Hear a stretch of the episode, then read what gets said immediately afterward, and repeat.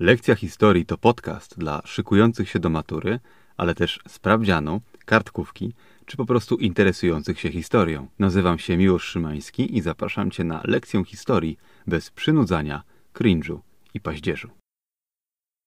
Lekcja piąta. Aleksander Wielki.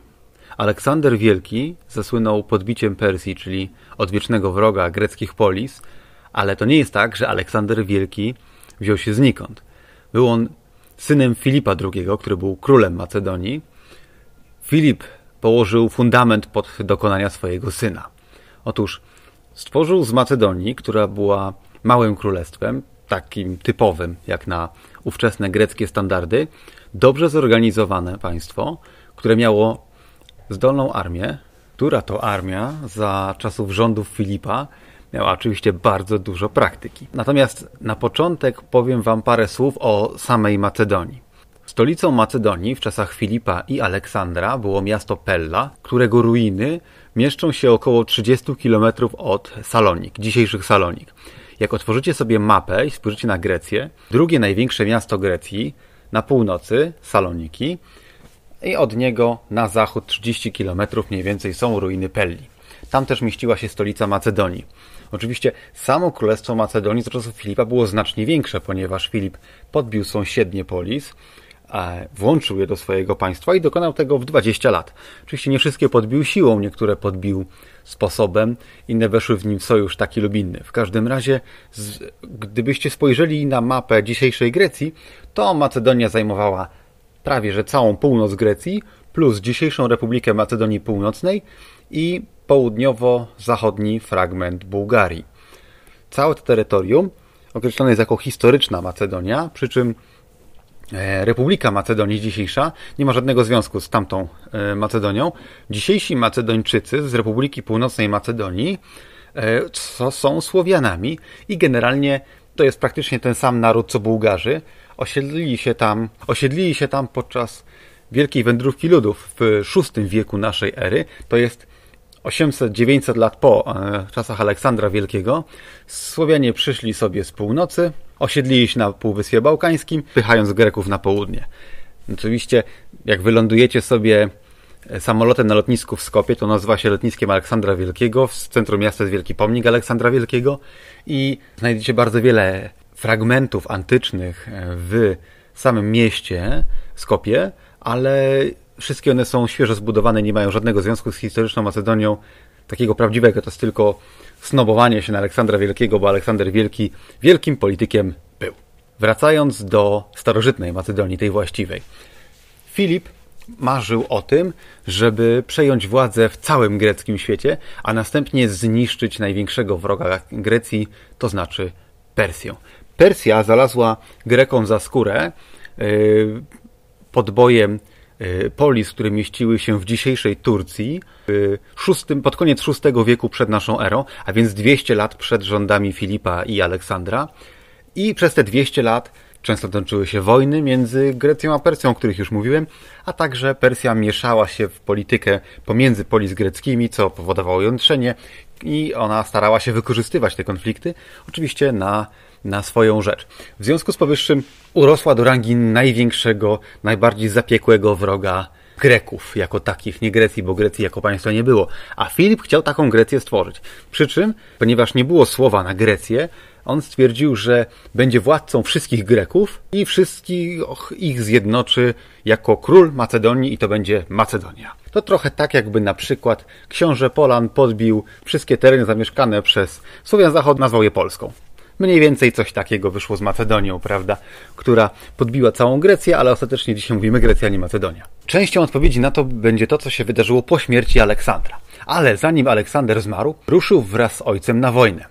Ponieważ, jak już mówiłem, Filip przez 20 lat walczył z innymi greckimi polis o hegemonię na Półwyspie. I w, w 338 roku przed naszą erą miała miejsce bitwa pod Heroneą. Do tej bitwy doszło, ponieważ Macedonia ze swoimi sprzymierzeńcami toczyła wojnę z Atenami i ich sprzymierzeńcami. Spotkali się pod miejscowością Heronea, która mieści się 100 km na północ od Aten, a 300 km na południe od Pelli. Bitwa była dość zażarta, ale przeważyło uderzenie, uderzenie kawalerii, którą dowodził młody Aleksander, e, wówczas 18-letni. Skutek tej bitwy był taki, że opozycja wobec dominującej pozycji Macedonii w świecie greckim e, została zgładzona i rok później, podczas soborów w Koryncie, powstał Związek Koryncki, który oczywiście był związkiem równych państw tylko z nazwy, ponieważ miał on usankcjonować w strawnej dla pokonanych formie dominację Macedonii nad światem greckim. Główne założenia tego Związku Korynckiego były takie, że wszyscy jego członkowie są zobowiązani do zachowania pokoju między sobą i wszyscy członkowie mają zakaz sprzeciwu wobec decyzjom Filipa albo jego następców i w ogóle polityki Macedonii jako tej części dominującej w związku. Wszyscy także mają zakaz ingerencji w sprawy wewnętrzne innych państw. To było pocieszające, bo inne polis mogły liczyć na to, że Macedonia nie będzie się mieszać w wewnętrzną politykę, co oczywiście było iluzoryczne, ale ładnie wyglądało, wyryte w kamieniu, prawda? Oprócz tego y, związek miał własne organy, trochę jak Unia Europejska. Y, miał hegemona związku, który nim dowodził, w tym wypadku był to król Macedonii, a także miał Radę Związku, taki swoisty parlament, w którym zasiadali przedstawiciele wszystkich członków Związku Heleńskiego i co ważne, w liczbie odpowiadającej ich ludności. A oczywiście Macedonia miała w nim dużo do powiedzenia, bo była jeden z większych państw greckich w owym czasie. Niemniej jednak y, związek ten miał na celu y, koordynację polityki wszystkich krajów polis greckich zgodnie z wolą Macedonii, która nie musiała ich wszystkich podbijać. Dzięki temu i można było nie rozlewać zbyt dużo greckiej krwi, bo przecież związek ten powstał po to, żeby zrealizować marzenie Filipa o pokonaniu Persji. Podczas kolejnego posiedzenia Związku Korynckiego zapadła decyzja o tym w 337 roku, że należy podbić Persję. Należy ją zaatakować i raz na zawsze położyć kres zagrożeniu perskiemu. Przed wyruszeniem na kampanię perską Filip postanowił wyprawić sobie kolejne wesele, ponieważ ówcześni królowie macedońscy praktykowali wielożeństwo i zapragnął mieć kolejną młodszą żonę, żeby zapewnić sobie wielu możliwych potomków, gdyż z jego ewentualnych następców do tronu miał syna Aleksandra, który jak najbardziej się tego nadawał.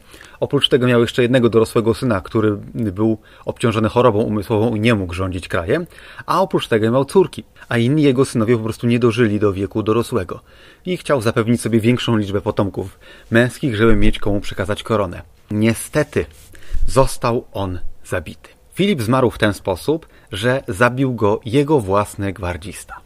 Gwardziście na imię było Pauzaniasz i był zazdrosny, ponieważ y, Pauzaniasz był kochankiem Filipa do czasu, kiedy Filip postanowił zainteresować się młodszym chłopcem, który również miał na imię Pauzaniasz. Wzgardzony starszy Pauzaniasz okazywał temu młodszemu niechęć, pogardę, dokuczał i był generalnie dla niego bardzo niemiły. I ten młodszy poskarżył się swojemu przyjacielowi, który był jednym z ważniejszych generałów armii Filipa. Tenże zwabił starszego Pauzaniasza na ucztę, spoił go, następnie wraz ze swoimi towarzyszami zgwałcili go, a Pauzaniasz rano doszedł do siebie, udał się do Filipa poskarżyć się na sytuację, jaka zaszła, że został zgwałcony. Filip jednak nie chciał tracić jednego ze swoich ważniejszych generałów, więc yy, obiecywał, że się sprawą zajmie, ale się ostatecznie nie zajął. W związku z powyższym Pauzaniasz uznał, że jedyny sposób, jaki może odkupić tę hańbę, to zabić swojego byłego kochanka i to też uczynił, po prostu go zasztyletował. A że był jego gwardzistą, to zawsze miał bliski dostęp do króla. W związku z powyższym w tej historii pojawia nam się pierwszy Kingslayer. Oczywiście kwestia sukcesji Filipa nie była tak do końca oczywista, ponieważ, jak już wspomniałem, Filip miał inne dzieci, a oprócz tego y, w Macedonii nie było takiego zwyczaju, żeby, żeby automatycznie syn dziedziczył koronę po ojcu musiał być jeszcze on zatwierdzony. Aczkolwiek Aleksander był najbardziej obiecującym dzieci Filipa i, i cieszył się ogromną popularnością w wojsku jako zdolny, choć młody dowódca. Y, został on mianowany królem Macedonii, a następnie podczas obrad Związku Korynckiego jednogłośnie został uznany za hegemona Związku Korynckiego. W związku z powyższym, po zatwierdzeniu Aleksandra jako hegemona Związku Korynckiego, postanowił on spełnić marzenie swojego ojca i ruszyć na wojnę z Persją. W 334 roku greckie wojska pod dowództwem Aleksandra mm, zaczęły wyzwalać kolejne greckie polis, które znajdowały się pod perską władzą nad zachodnim wybrzeżu Półwyspu Azja, Azja Mniejsza, czyli dzisiejszej Turcji. W kolejnych polis wyzwalanych Aleksander nie zawsze był przyjmowany dobrze.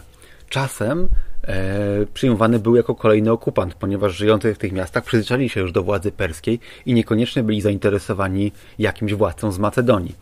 Więc niektórzy stawiali opór. Aleksander jednak mimo tego, że miasta te musiał zdobywać nie, niejednokrotnie, nie pozwalał swojej armii na tradycyjne łupienie miasta po jego zdobyciu, ponieważ uważał, że to może niepotrzebnie je osłabiać, ponieważ one mają stać się przecież częścią jego państwa, a on chciał być władcą państwa silnego. Dlatego zakazał swojej armii łupienia tych miast. Kiedy szedł dalej, Okazało się, że ta polityka jest skuteczna, ponieważ były miasta, które decydowały się dobrowolnie poddać, wiedząc, że Aleksander ich nie spali, nie złupi, a co więcej, z reguły zostawiał lokalne władze e, w niezmienionej formie. To znaczy, władcami byli dalej ci sami ludzie, którzy byli przed podbojem. Różnica była tylko taka, że komu innemu płacili podatki i komu innemu dostarczali wojska. Co było polityką bardzo skuteczną, ponieważ Aleksander nie zostawał władcą spalonej ziemi, tylko zmieniała się figura na szczycie układanki. Mieście żyło się tak jak wcześniej, mniej więcej, a Aleksander miał więcej potencjalnych rekrutów i pieniędzy na toczenie wojny, ponieważ Aleksander patrzył na to bardzo dalekim horyzoncie. On chciał podbić całą Persję, a nie tylko jej kawałek, złupić i pojechać z powrotem do domu. W ten sposób dotarł, dotarł do miasta Gordion, w którym to, zgodnie z legendą, ten, który rozwiąże węzeł gordyjski, który był bardzo skomplikowany i zdawałoby się niemożliwe do rozwiązania, zostanie panem całej Azji. Aleksander załatwił sprawę po swojemu, wyjął miecz i przeciął ten węzeł. Stąd mamy powiedzenie dziś. Anegdotyczne wydarzenie świetnie pokazuje charakter Aleksandra, który był człowiekiem zdecydowanym, który się nie wahał i który parł naprzód, nie oglądając się na nim. Po podboju Azji Mniejszej Aleksander zwrócił swój wzrok w stronę Egiptu, który był bogatą prowincją perską, którą Persowie, jak już mówiłem, podbili 200 lat wcześniej. Parł do Egiptu wzdłuż wybrzeża Morza Śródziemnego celem podbicia kolejnych miast, które tam się znajdowały, żeby odciąć Persom możliwość ataku na Grecję, kiedy on będzie daleko w Egipcie. Kiedy, kiedy szedł w stronę Egiptu, doszedł do miejsca, w którym Morze Śródziemne wcina się głęboką zatoką w teren dzisiejszej Turcji. To jest miejsce, w którym południowe wybrzeże Turcji się kończy i skręca na południe i jest taki mały kawałeczek, który graniczy z, graniczy z Syrią. W tym dokładnie zagięciu znajdowało się miasto Issos i pod nim Aleksander stoczył wielką bitwę z e, królem Persji Dariuszem III. Dariusz III zorganizował sporą armię, którą maszerował żeby wyjść naprzeciw Aleksandrowi z samego centrum państwa perskiego, czyli terenów dzisiejszego Iranu. W trakcie tej bitwy sytuacja była dość wyrównana, aż do momentu, w którym Aleksander po raz kolejny postanowił wykorzystać śmiały manewr kawalerii, którą sam zresztą dowodził. Kawaleria ta uderzyła na lewe skrzydło wojsk perskich, przebiła się przez nie, następnie otoczyła resztę i rozpoczęła się jadka, która skończyła się kompletnym, całkowitym zwycięstwem Greków. Dariusz salwował się ucieczką i zrobił to tak szybko i tak nieporadnie, że w obozie zostawił swoją matkę, swoją żonę i dwie córki. Matka Dariusza, Sysambis, nigdy nie wybaczyła synowi, że zostawił ją tak po prostu i uciekał, nie ratując ani jej, ani własnej żony, ani własnych córek. Sysambis, a także żona i córki Dariusza traktowane były z należnym szacunkiem, e, jak przystało na nie tylko damy, ale także członkinie rodu królewskiego. Sysambis bardzo szybko zaprzyjaźniła się z Aleksandrem, który był przecież inteligentnym młodym człowiekiem i w efekcie uznała go jako swojego syna. Był to gest symboliczny oczywiście, ale bardzo wiele mówił Persom o tym, kim jest ich władca a kim jest ten nowy, który nadchodzi z zachodu. Spowodowało to, że bardzo wielu z lokalnych satrapów, którzy, którzy władali w prowincjach Imperium Perskiego satrap, tym chętniej przyjmowało Greków i niekoniecznie chciało stawiać im opór tak, jak kazał im król Dariusz. Aleksander dotarł do Egiptu w 332 roku, to jest po dwóch latach podbojów. Na miejscu był witany jako wyswobodziciel, ponieważ Egipcjanie mieli już dość wysyłania podatków Persom i każdy, który przyszedłby ich uwolnić od tego obowiązku, był dobry. Podbój Egiptu poszedł sprawnie tym bardziej, że satrapa Egiptu, były wtedy już satrapa Egiptu, poległ w bitwie pod Issos.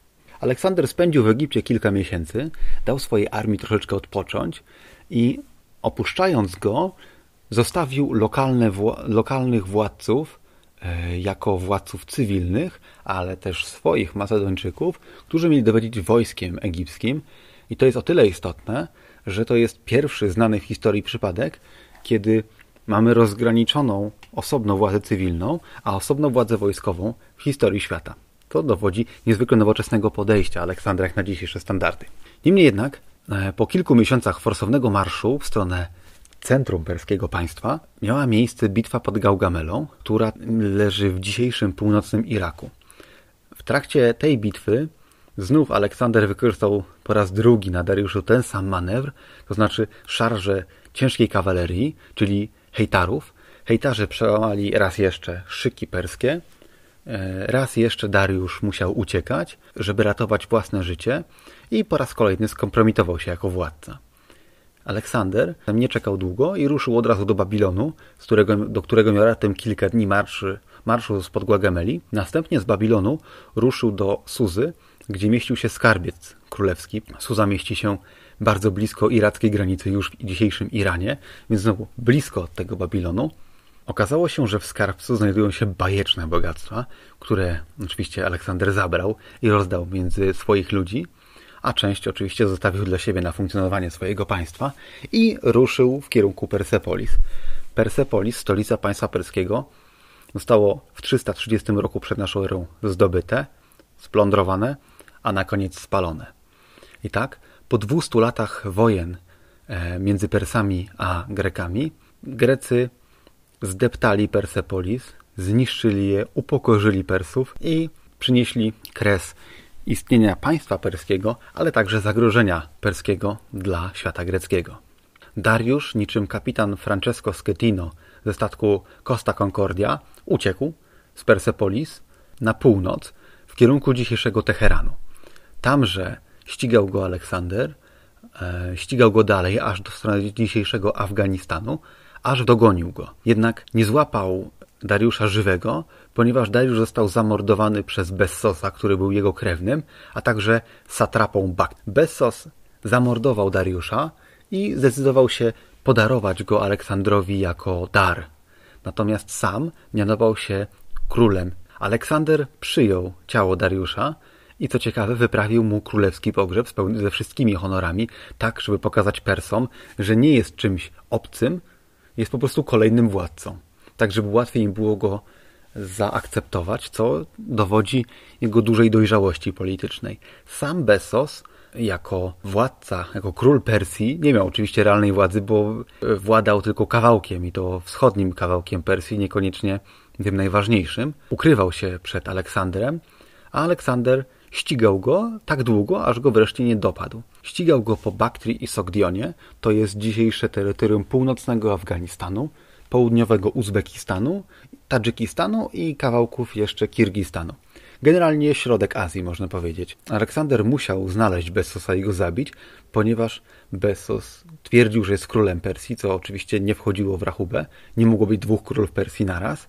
A oprócz tego wzniecał powstania e, we wschodniej części państwa, co oczywiście destabilizowało sytuację świeżo podbitej Persji.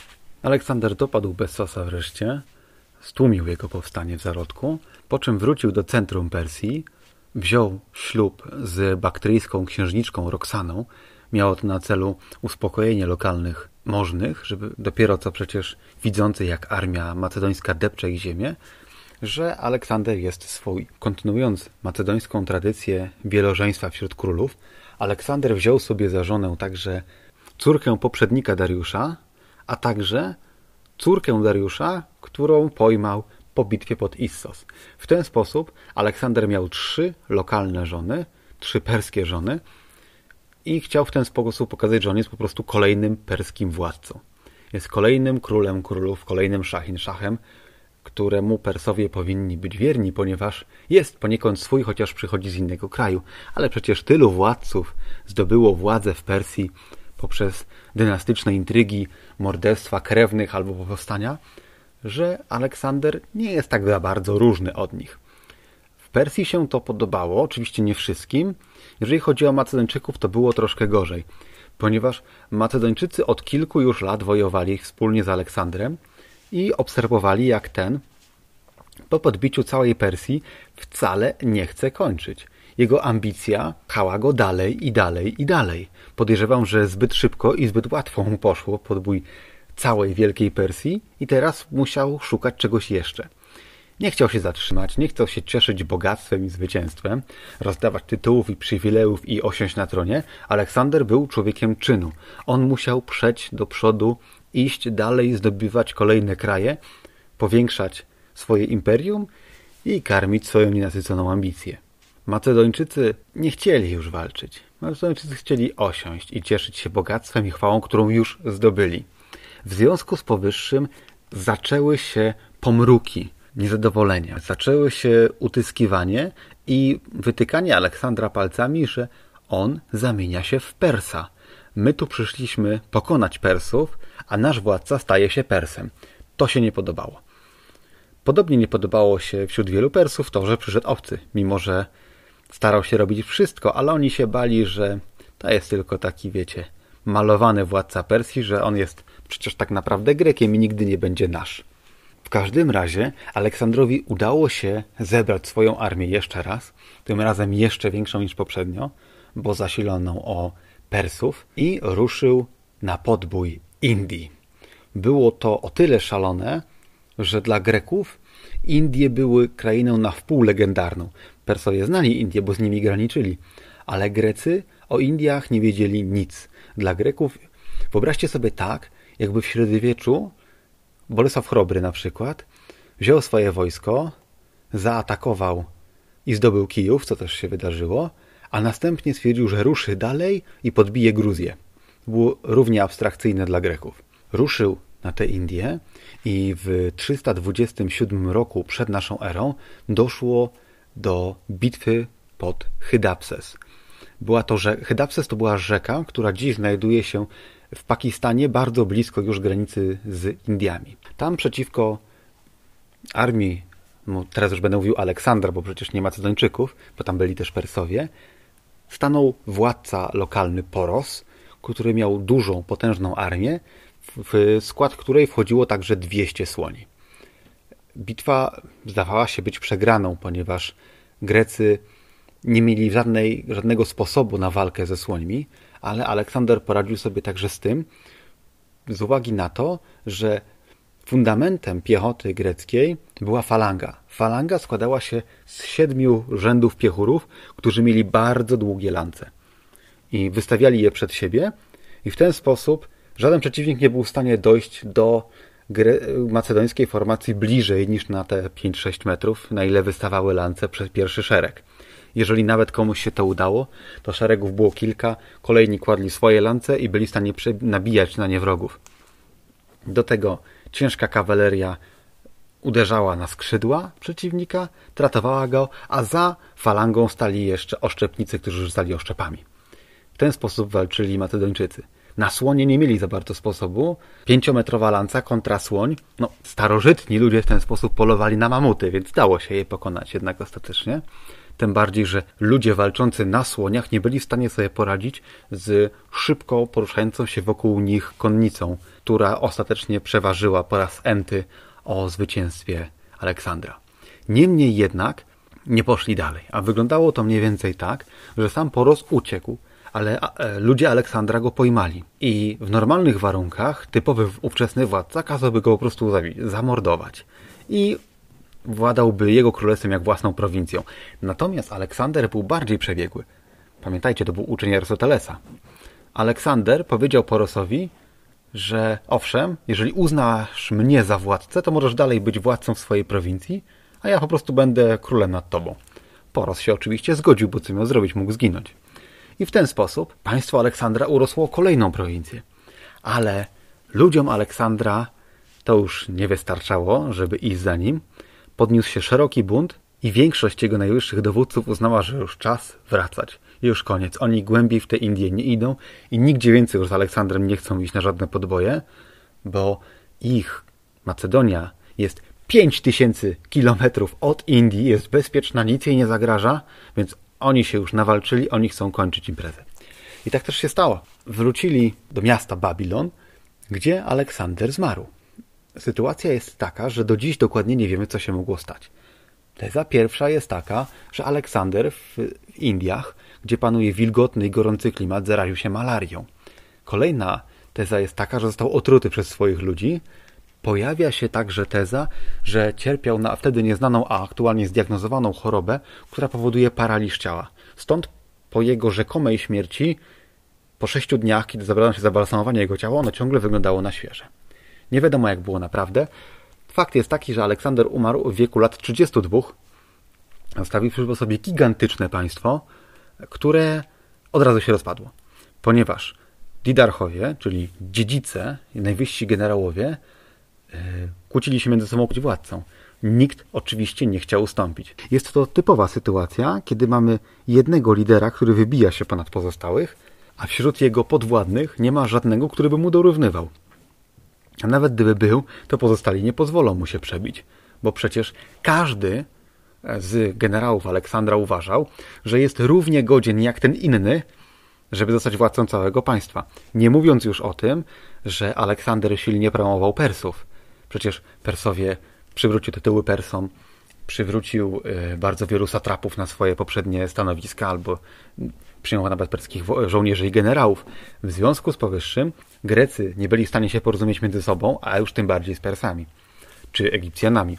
W związku z powyższym bardzo szybko wybuchły między nimi walki. Wojny o Schedę po Aleksandrze trwały do 275 roku przed naszą erą, a więc 50 lat. Siłą rzeczy nie były to już wojny pomiędzy e, generałami Aleksandra, ale i dziećmi i wnukami nawet. Faktem jest, że państwo, które zbudował Aleksander, oparte było na nim i po jego śmierci musiało się zawalić. Po śmierci Aleksandra powstały pierwotnie cztery kraje. Mianowicie Macedonia, Seleukozja, Lizymarchia i Ptolozja. Seleukozja to generalnie Imperium Perskie, którym rządziła dynastia Seleucydów. Ptolemeusze władali Egiptem, a to była część Azji, Półwyspu Azji Mniejsza. Zaczęło się od tych czterech krajów, one oczywiście potem dzieliły się jeszcze bardziej, rozpadały, walczyły między sobą.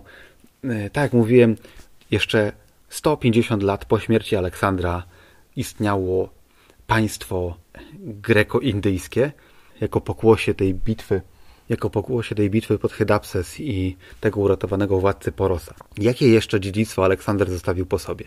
Przede wszystkim 19 miast, które nazywały się Aleksandria, do których ściągał greckich osadników e, i które miały promieniować grecką kulturą na świeżo podbite ziemię.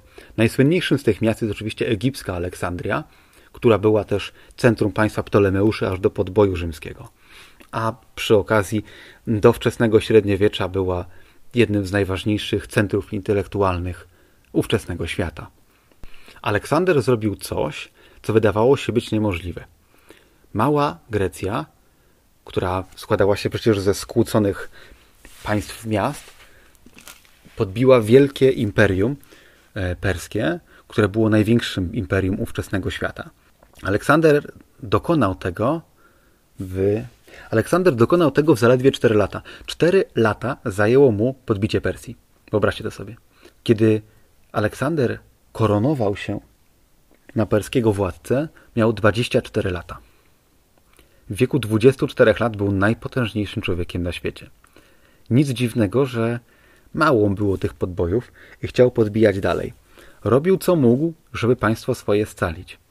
Tak jak mówiłem, promował lokalne elity, brał, wziął, dając przykład swoim ludziom, wziął za żonę za żony e, lokalne kobiety i polecał swoim podwładnym robić dokładnie to samo.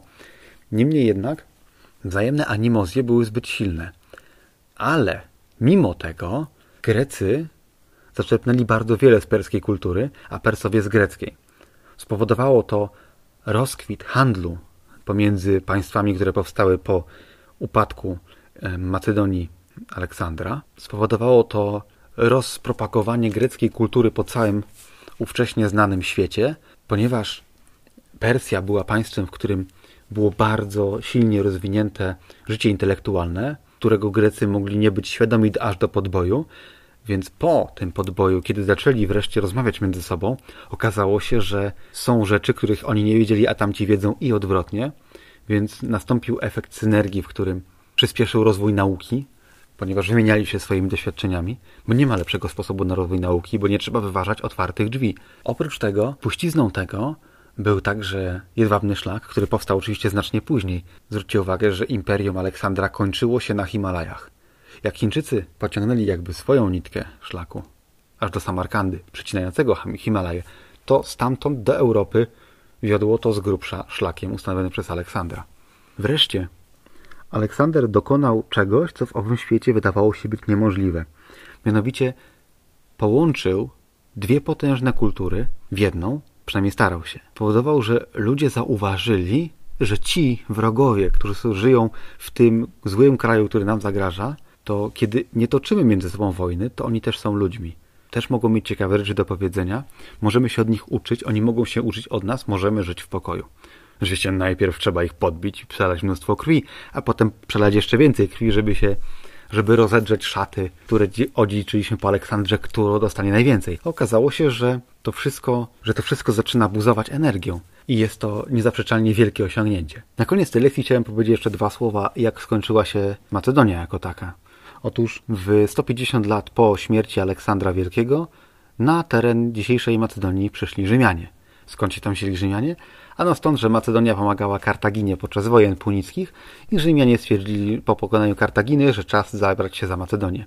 I podbili Macedonię. Nie było już Aleksandra, byli Rzymianie. Macedonii zabrakło kolejnego Aleksandra, mimo że syn Aleksandra Wielkiego, Aleksander IV Macedoński, był władcą Macedonii, ale było to znacznie wcześniej. Kiedy przyszli Rzymianie, Macedonia nie miała już godnego władcy, który mógłby ją obronić przed Rzymem.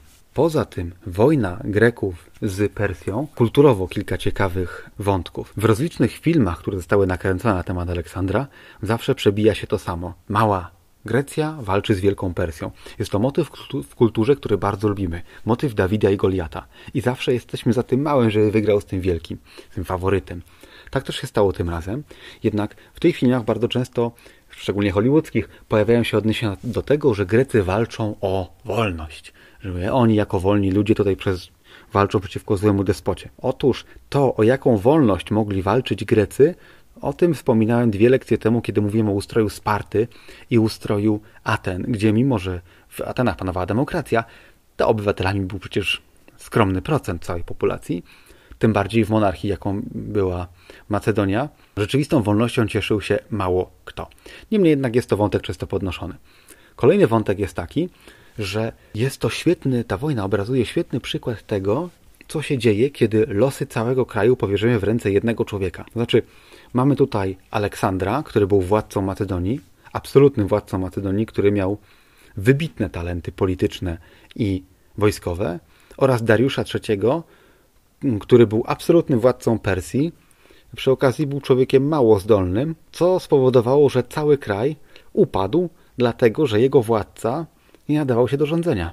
Ale ponieważ jako król Persji miał rządzić dożywotnio i należał mu się tron z uwagi na to, że był dobrze urodzony, a nie dlatego, że był najzdolniejszy, więc kraj powierzył władzę w ręce jednego człowieka i okazało się być to dla niego tak bardzo niekorzystne, że po prostu przestał istnieć.